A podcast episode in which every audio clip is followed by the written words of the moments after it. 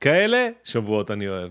יש לנו מדדי מחירים לצרכן, יש לנו אירועי השקה מרכזיים, יש לנו חדשות, יש לנו חדשות אפילו בגזרת המריחואנה, חכו תשמעו ויכול להיות שזאת הסיבה שהיא עלתה.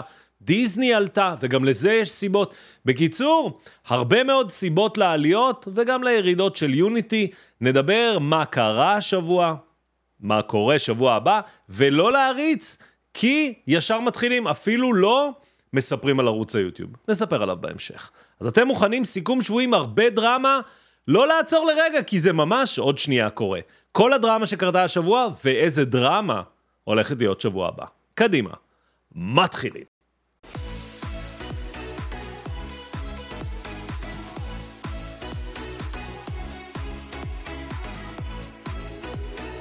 אז כמו שאמרתי בפתיח, אין לכם מה להריץ קדימה, כי אנחנו לא מדברים על ערוץ היוטיוב, רק נותנים את ה disclaimer, שתז... את ה disclaimer ואת ההיכרות. בוקר טוב וברוכים הבאים אה, לכל מי שמאזין, רואה, צופה, אני מיכה מאמריקה, מביא לכם את כל מה שקורה מהצד השני של העולם, בשפה שרק אנחנו מבינים. וכרגיל, כל מה שאתם רואים פה הוא דעתי בלבד, איננו המלצה לפעולה, והוא כמובן איננו ייעוץ פיננסי, והנה אנחנו מתחילים הגרפים. שימו לב למדדים השבוע. המדדים השבוע סיימו אדומים, או לפחות חלקם. מדד הנסדק ירד בכחצי אחוז, מדד הראסל 2000 ירד בכ-0.17, מדד ה-S&P ירד ב-0.16, ורק הדאו ג'ונס עלה ב-0.12. בקיצור, שבוע אדום. כשאנחנו מסתכלים מתחילת השנה, ככה זה נראה, מוביל את החבורה, נסדק עלייה של כמעט 39% מתחילת השנה, S&P עולה ב-16%, ראסל עולה ב-6%, והנסדק עולה ב-4.4. אני כבר אתן לכם קדימון לסרטון של מחר. 5.6 טריליון סיבות יש לראלי סוף שנה. אתם תראו את זה מחר, זה מאוד קשור לכל מה שקורה פה בגרפים. זה לסרטון של מחר, ואני מזכיר לכולם שבעוד uh, כמה שעות, בחמש בערב, יעלה סיכום שבועי חלק ב', החלק עם הגרפים. אם כבר אנחנו מדברים על הביטקוין, זה יעלה כמובן בערוץ היוטיוב, שאתם יודעים, נדבר עליו עוד מעט. אם מסתכלים בגזרת הקריפטו, דווקא שבוע טוב לקריפטו. ביטקוין עולה בחמישה וחצי, חמישה נקודה שבע אחוז. אתריום עולה ב-6.14, בקיצור, לפחות בקריפטו זה נראה בסדר. תחילת, מתחילת השנה, שימו לב, ביטקוין מתפקד פחות טוב מהנסדק, עולה ב-60 אחוז, אתריום, גם פחות טוב. האמת, ביטקוין יותר טוב מהנסדק, סליחה, אתריום פחות טוב מהנסדק, 36 אחוזים. ואם אנחנו נכנסים פנימה לסקטורים השונים, ככה הם נראים, שבוע הגנתי, Utilities, התשתיות עולה, discretionary עולה, עכשיו תעצמו רגע עיניים, תחשבו שזה פודקאסט, או אם אתם שומעים את זה כפודקאסט, תנסו לחשוב מי ב consumer discretionary, או איזה שתי חברות משפיעות הכי חזק, והאם הם סיימו אדומות או ירוקות, עוד מעט נגיע אליהם ואתם תוכלו לקבל את התשובה מיד. בגריעותן, טכנולוגיה מינוס 2.2 ו industrial 0.6. שימו לב, כורי הזהב מובילים את החבורה ואחריהם ה... metal ו mining, הם עולים ב-4.8 וב-3.7 בהתאמה. מצד שני, ה home builders נראה שהם מגיעים לאזור מורכב וקשה טכנית, והם יורדים ב-3.76. עוד יורדים השבוע, המניה האהובה על ג'ונתן, תעודת הסל JETS, תעודת הסל של חברות התעופה, שעוד מעט נראה גם אזהרת רווח של 2M, או לפחות אזהרה של 2M, בגלל עליית מחירי הדלק, שגם הוא אחד הדברים המרכזיים שקרו השבוע. והנה התשובה לשאלה. consumer discretionary מושפע הכי חזק משתי חברות, אמזון וטזלה, שניהם סיימו את השבוע ירוקות, טזלה מסיים את השבוע בעלייה של כ-9%, אמזון בעלייה של 2.5%, ולכן consumer discretionary עולה. מצד שני, טכנולוגיה ירדה, ואתם יכולים לראות מצד שמאל את אפל אדומה, את NVIDIA אדומה, את AMD אדומה, הרבה מאוד חברות אדומות, כמובן אדובי ועוד.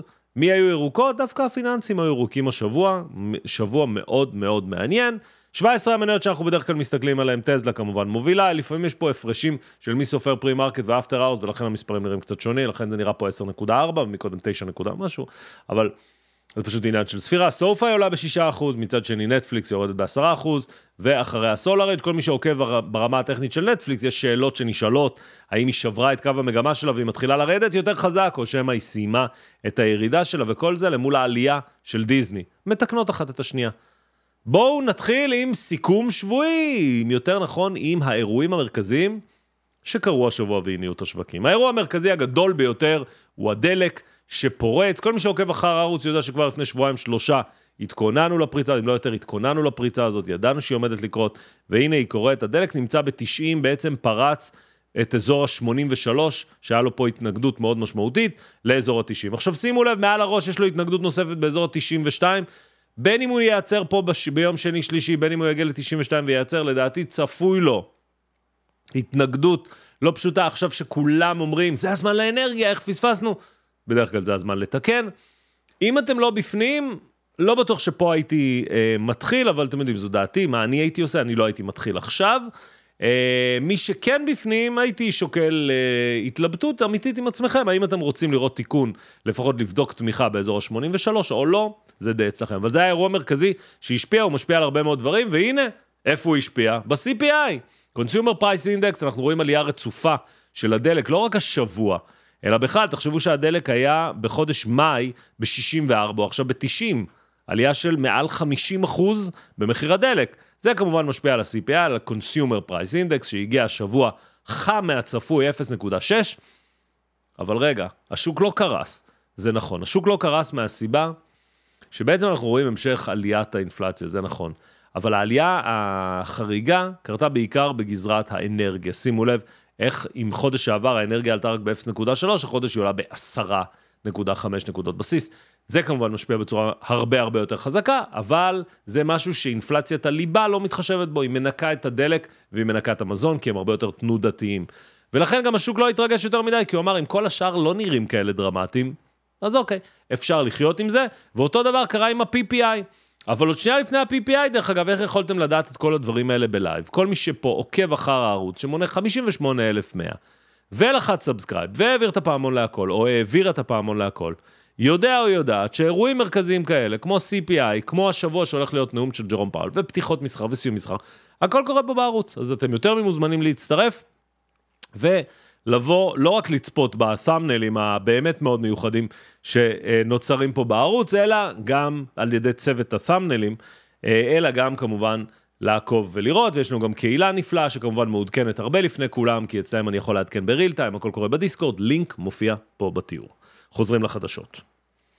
גם היה PPI ביום חמישי, כן, זה מדד ה producer price index, היצרנים.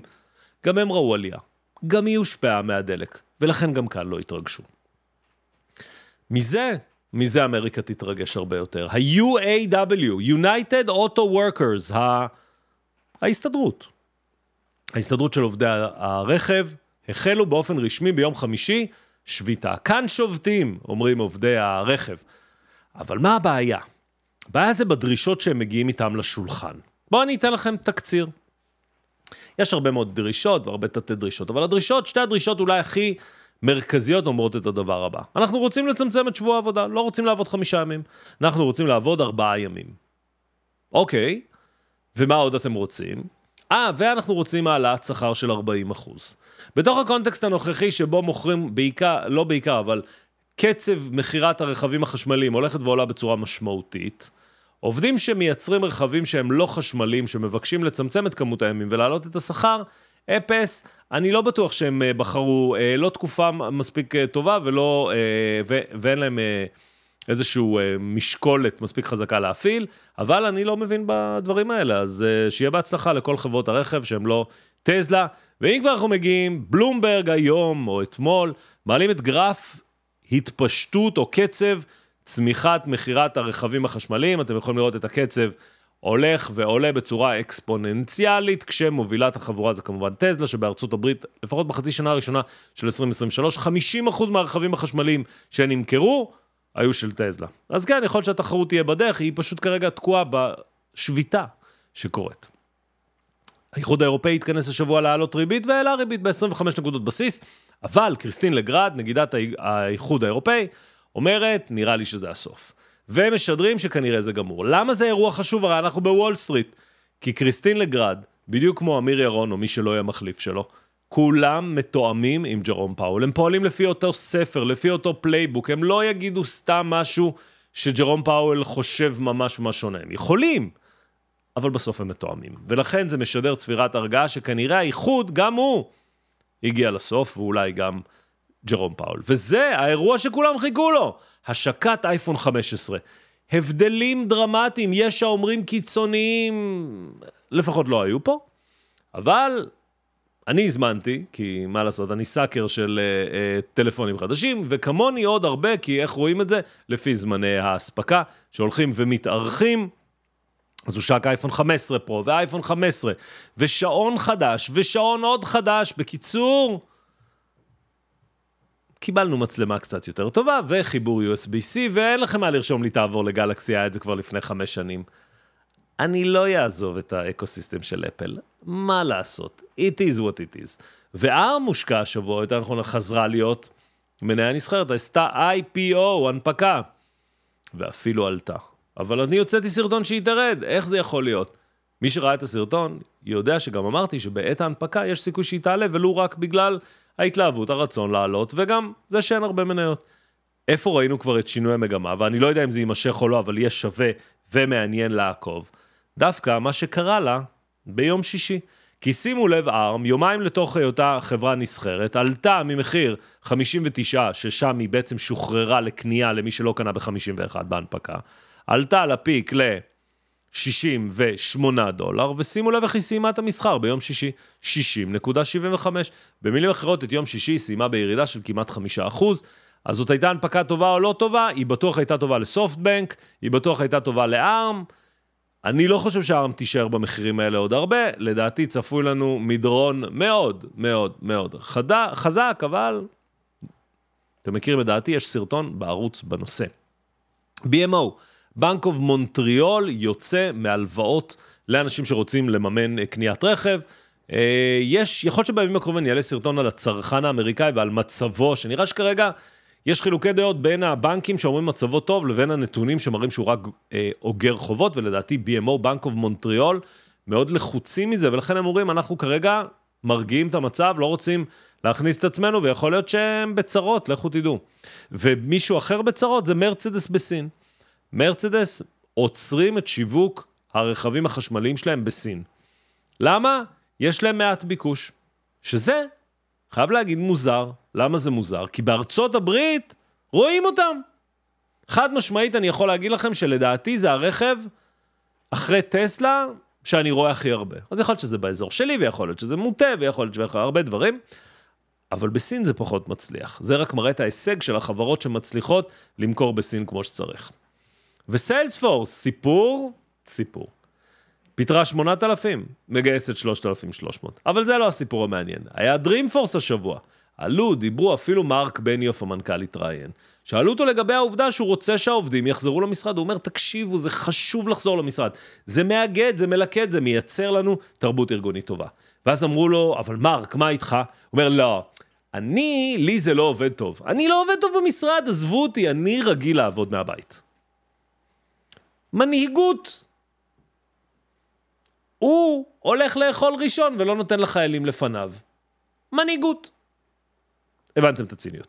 וזה רון אלן שרוצה לקנות את ABC, תחנות, אזור, תחנות מקומיות, פוקס, פוקס לא ניוז, FX ו-National Geographic מידי דיסני, בעסקה של עשרה מיליארד דולר. אה, אם זה יקרה או לא יקרה, אף אחד לא יודע, מה שכן, זה מה שאושש את מניה דיסני, שכאילו היא תיפטר מנכסים, אה, שהם בעיקר נכסים שהם פחות משמעותיים לדיסני. מי, ש... מי שמכם שהיה בלייב שבועי AI בפעם הקודמת, לפני שיצאתי לכנס, שמע את צוף ואותי מדברים על שנה לצ'אט GPT. שנה לצ'אט GPT יהיה סוף אוקטובר, תחילת נובמבר, תלוי מתי יבחרו לשים את התאריך. במקרה, גוגל השבוע מספרים שהם אוטוטו מוציאים את ג'מיני AI, שהוא יהיה המתחרה של צ'אט GPT 4. אבל אמרו שברדו המתחרה. לא משנה, הם הולכים לחרב את המסיבה, תזכרו את המילים שלי. והם הולכים להילחם, אין להם ברירה, זה מלחמה על הבית. אז תתכוננו, ג'מיני AI, אני מעריך סוף אוקטובר, תחילת נובמבר, אולי לפני, אבל אם כבר, אם אני אהיה הם, ביום של השנה אני מוריד את הפצצה. ואם כבר מדברים על משחקים שלא כל כך מצליחים, יוניטי. יוניטי משנים את מודל המוניטיזציה שלהם ל, אה, ל, ליצרני המשחקים הקטנים, הבינוניים והגדולים, ויש בעיה גדולה, הם כועסים. כועסים ברמה כזאת שמגיעים death, death threats, איומי, מכתבי איום נקרא להם, איומי uh, מוות, דברים כאלה. זה מגיע לזה שהרבה אנשים אומרים, אני אפסיק להעלות את המשחקים שלי, או להפסיק להשתמש ביוניטי כתשתית, ועוד ועוד. בקיצור, קוראים להתפטרותו של מנכ"ל יוניטי, או לחילופין ל-U-turn ביוניטי. הטיקר הוא U כמו U-turn, אבל אני לא בטוח שהם יעשו U-turn, לדעתי הם הבינו שהם חייבים כסף. וזה... כל מי שפה רואה את הצמח הזה אומר לעצמו, בשעה טובה. כנראה נקבע תאריך. נקבע תאריך לדיון סוף סוף בסנאט, שבו יתקנו את החקיקה כנגד קנאביס או כנגד מריחואנה ברמה הפדרלית. לא סתם אנחנו כבר שבועיים שלושה רואים את מניות הקנאביס עולות, אה, וזה כ-buy the rumor, sell the news, אתם מכירים? אז כרגע כולם buying the rumor, עד שיגיע הניוז. מי שלא יודע למה אני מתכוון, קונים את הש... קנה בשמועה, מכור בחדשה, או בידיעה. וזה אטלנטה פד שמוציא כל שבוע את עדכון תחזית התוצר המקומי הגולמי האמריקאי. אז אמנם יש ירידה מהמספר הפסיכי שהיה של 5.9 לאזור 4.9, אבל גם 4.9 בתקופה שהרבה אנשים קוראים מיתון, מיתון, מיתון, עם אינפלציה.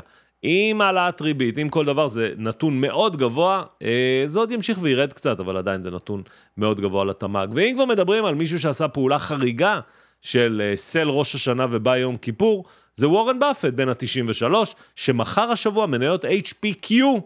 הוא בדרך כלל משתדל למכור בשקט, אבל הפעם הוא מכר כמות גדולה מדי, הוא היה צריך לדווח. אז uh, וורן באפט, מניות שהוא קנה באפריל 2022, ראה שהמניה ירדה ב-19%, הוא לא משתמש במילים אני מאמין, הוא אומר, cut your losses, אז הוא חתך, כן, יש לו עוד מניות. זה בסדר, הוא לא ימכור את כל המניות שלו במכה, כמו שהוא לא קונה במכה. אבל אם הוא מוכר, יש לזה סיבה, כי לא באמת צריך כסף, לא ברקשר ולא וורן. ומי שנופלת כמו אבן מהשמיים זו VFS, זה הטיקר, או וינפאס, זאת החברה, חברה וייטנאמית, אני לא מדבר על הרכב, אני מדבר על המניה, הונפקה כספק, עלתה לחלל, כי לא היו מספיק מניות את המקרים, העליתי סרטון על זה, אז היא יורדת. וסיטי אה, מנסה, מנסה להשתקם מהמצב באמת, באמת, אחד, ה, אחד ההשחתות הערך היותר גדולות שקרו עוד מתקופת ה... מה שנקרא אה, בועת הנדל"ן. אה, יורד, לדעתי יש לי פה את הגרף, ירדה בעצם משווי, כן, מאותו double top שהיה לה באזור ה-518, תראו את המשמעות הטכנית של double top, בדצמבר 2006, שבו טוב על הכיסא, היא הייתה, ארבע, היא הייתה בערך של 557 דולר למניה. היא סיימה את המסחר ביום שישי ב-42.7, ולא, זה לא בגלל ספליטים. זה פשוט בגלל העובדה שהייתה השחתת ערך מאוד גדולה, הורדת נכסים, הורדת שווים, הרבה מאוד דברים שקשורים בבועת הנדל"ן שהייתה או משבר הנדל"ן שהיה. ומאז, כמו שאתם יכולים לראות, יש פה קו רציף של כלום ושום דבר, בעצם מאז הנקודה הנמוכה ביותר של אזור 2009, היחידים שעשו כסף על סיטי היו הטריידרים שידעו לקנות בנמוך ולמכור בגבוה, כי בגדול המניה לא התקדמה יותר מדי, באמת אחת מהשחתות הערך היותר גדולות שקיימות. אז ג'יין פרייזר, המנכ"לית, מנסה לשקם את המצב עם שינוי ארגוני וצמצום של חלק מבעלי התפקידים. אם זה יצליח או לא, only time will tell. הסינים, כן, גם הם קיימים, תאמינו או לא, מופתעים השבוע, עושים פרצוף מופתע. אנחנו מונעים מכם להשתמש באייפונים? מה פתאום? מי אמר כזה דבר? אז אם אתם מאמינים להם או לא מאמינים להם, זה כבר לא משנה. אני יכול להגיד לכם שבכנס All In שהשתתפתי השבוע, או שבוע שעבר, שבוע שעבר, כי אתם רואים את זה ביום ראשון, או שומעים את זה ביום ראשון. אמ, שדרך אגב בערוץ היוטיוב שלהם שנקרא All In Podcast הם מעלים לאט לאט את כל הסרטונים שהיו מהשיחה של אילון, דרך טובי לוטקה, משופיפיי, דרך ביל גרלי עם הרצאה מטורפת אה, שהוא קורא לה 2851 מייל ועוד ועוד.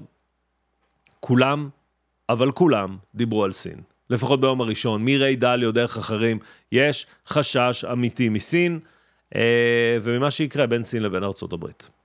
והחשש הזה מצטרף לחשש מ-AI.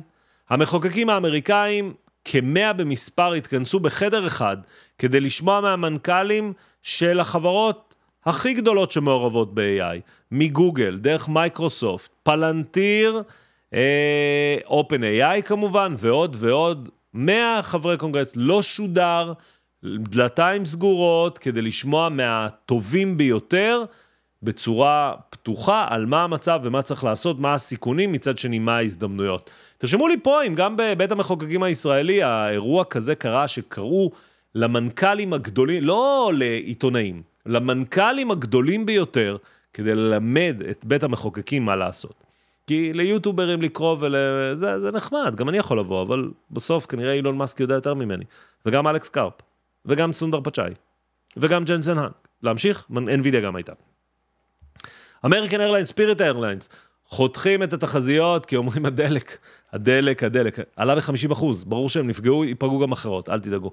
ואם כבר מדברים על דלק ועל קידוחים, מנכ"ל BP, ברנרד לוני, מתפטר השבוע במפתיע, מעכשיו לעכשיו, אחרי שהדירקטוריון גלה, גילה שהוא לא היה בשקיפות מלאה עם מערכת יחסים שהייתה לו עם מישהו או מישהי בחברה, אתם יכולים להבין לבד איזה מערכת יחסים, ואפשר גם להבין לבד שכנראה דלק לא היה הקידוח היחיד שהיה שם. הייתי חייב, זה היה מתבקש, אני מתנצל, אני אוסיף explicit, אני אגיד שאי אפשר לראות את זה כולם. ממשיכים. בייננס ארה"ב, המנכ"ל עוזב את החברה, אה, זה מצטרף לזה ששליש מהעובדים קרובים אליו נחתכים, הם נחתכים לא מדבר שלילי שהם עשו, אלא בייננס פשוט אה, אין לה כסף, צריך לצמצם הוצאות. אז זה בייננס, ואם כבר אנחנו מדברים על חברות גדולות, אמזון עושה מהלך משמעותי. supply chain by אמזון. הרעיון הוא פשוט, תגידו לנו איזה מוצר אתם רוצים למכור באמזון, אנחנו נעשה לכם את ה... עיצוב שלו, את הייצור שלו, את השילוח שלו, את המיסוי שלו, את המכירה שלו, את הכל. עכשיו תשאלו את עצמכם, רגע, מה יוצא לאמזון מזה? מאוד פשוט, אתם משלמים להם לעשות את זה. ברגע שהם רואים שזה מצליח, הם משנים את זה ל-white label שלהם, ושולחים אתכם. זה supply chain באמזון בגרסת מיכה סטוקס. בגרסת אמזון כמובן הם יספרו שזה אחד הדברים הכי חשובים וזה וזה וזה. אז זה אמזון ticker AMZN, שחגגה השבוע 52 week high. הגבוה בשנה האחרונה, המחיר הגבוה בשנה האחרונה. דיסני וצ'ארטר, ידיעה אחרונה, כבר לא מסוכסכים. יום שני לפני שבוע שודר משחק הפוטבול, שהוא היה נקודת הציון, שאמרו שאם זה לא יקרה, נגמר הסיפור, שודר, הם ביחד.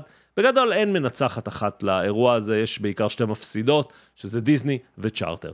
כל זה קרה השבוע. אין דבר יותר טוב מאשר רקע אדום מאחוריי כדי לדבר על שבוע הבא. לא כי אני חושב שהולך להיות שבוע קשה, אלא כדי שנדע להתכונן לאירוע הזה. יום רביעי, או יותר נכון בין שלישי לרביעי, 19 לספטמבר עד 20 לספטמבר, נגידי הפד שוב נפגשים, שוב הולכים להחליט על הריבית. השמועה כרגע אומרת, או לפחות הערכה בשוק כרגע אומרת, שאין העלאת ריבית. אגב, יש כבר גופים שאומרים שלא תהיה העלאת ריבית יותר בכלל, נגמר העלאות הריבית. גולדמן זקס הוא אחד מהם. אנחנו לא יודעים להגיד, אנחנו לא יודעים להעריך. מה אנחנו כן יודעים להגיד? הם נפגשים, והם הולכים לעדכן את הכל ב-20 לספטמבר. אנחנו נהיה כמובן בלייבים, תעבירו את הפעמון על הכל, אתם כבר מכירים את הדבר הזה, זה הכל קורה בערוץ היוטיוב כמובן, לייבים וכולי. וזה, זה היומן של השבוע. האירוע המרכזי הוא באמת אירוע הפד, יש עוד כל מיני אירועים וכל מיני דוחות שיצאו לאורך השבוע, jobless claims וכולי, אבל בסוף בסוף מה שמעניין את כולם זה מה יגיד הפד ומה יהיה ה dot plot. מה זה ה dot plot? זה בעצם הערכה של נגידי הפד מה קורה בשנתיים הקרובות. מזכיר לכם שהם יכולים להעריך הרבה מאוד דברים, אבל המצב הוא פלואידי ומשתנה כל פעם. חברות שמדווחות, יש לנו ביום שני את Stitch Fix, יש לנו את AutoZone בשלישי, יש לנו ברביעי General Mills ו FedEx ו-KB Home. חמישי יש לנו את FactSet, שאתם תראו מחר בסרטון שאני אפילו מציין אותה, ו Darden Restaurant. בקיצור, אנחנו בסוף בסוף בסוף של האירועים הכלכליים, אז על מה כולם מסתכלים? S&P. SPX נמצא בנקודה קריטית, יום שישי, איזה נר אדום משמעותי, יורד, ה-S&P יורד באחוז נקודה 2.2 ובעצם בולע לפחות נר אחד אם לא נר וחצי. הוא נמצא כרגע בדיוק על תמיכה באזור 4,450, כאשר יש לו עוד לאן לרדת, או הוא יכול לרדת גם לאזור 4,400, וזה עדיין לא ישנה את המבנה הטכני שקיים. יש כרגע חולשה בשוק, יש את מי שראה את הסרטון, ומי שלא, זה באמת אה, שערורייה. מכור בראש השנה, קנה ביום כיפור. אנחנו נכנסים לשבוע שהוא שבוע שסטטיסטית הוא שבוע פחות חזק, והמומנטום כרגע הוא מומנטום שלילי. האם זה אומר בוודאות שהכל ירד? זה ממש לא אומר את זה, כי יכול בבוקר לפתוח ב-4-4-2-3 ואז להסתובב כלפי מעלה, אף אחד לא מבטיח אחרת. הנקודות הקריטיות שאתם צריכים להשגיח עליהן זה 4-4-3 ו-4-300, פחות או יותר זה האזורים הקשים. שבירה מתחת ל-4,300, וחברים יקרים, המצב לא טוב. כל עוד זה שומר ועושה תיקונים ועולה ויורד והוא עדיין במגמה עולה, הכל בסדר. זה ה-S&P.